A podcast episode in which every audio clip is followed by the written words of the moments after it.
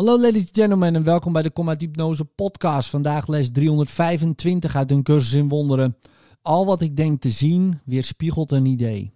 Dit is de grondgedachte van verlossing.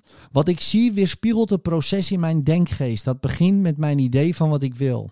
Van daaruit bedenkt de denkgeest een beeld van wat hij verlangt, van waarde acht en daarom probeert te vinden. Deze beelden worden dan naar buiten geprojecteerd, gezien, als werkelijk beschouwd en als eigendom bewaakt. Uit waanzinnige wensen ontstaat een waanzinnige wereld.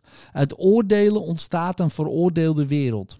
En uit vergevende gedachten komt een liefelijke wereld voort. Genadigd voor de heilige Zoon van God, om hem een vriendelijk thuis te bieden, waar hij een poos kan rusten voor hij verder reist, om zijn broeders te helpen samen met hem voort te gaan en de weg te vinden naar de hemel en naar God.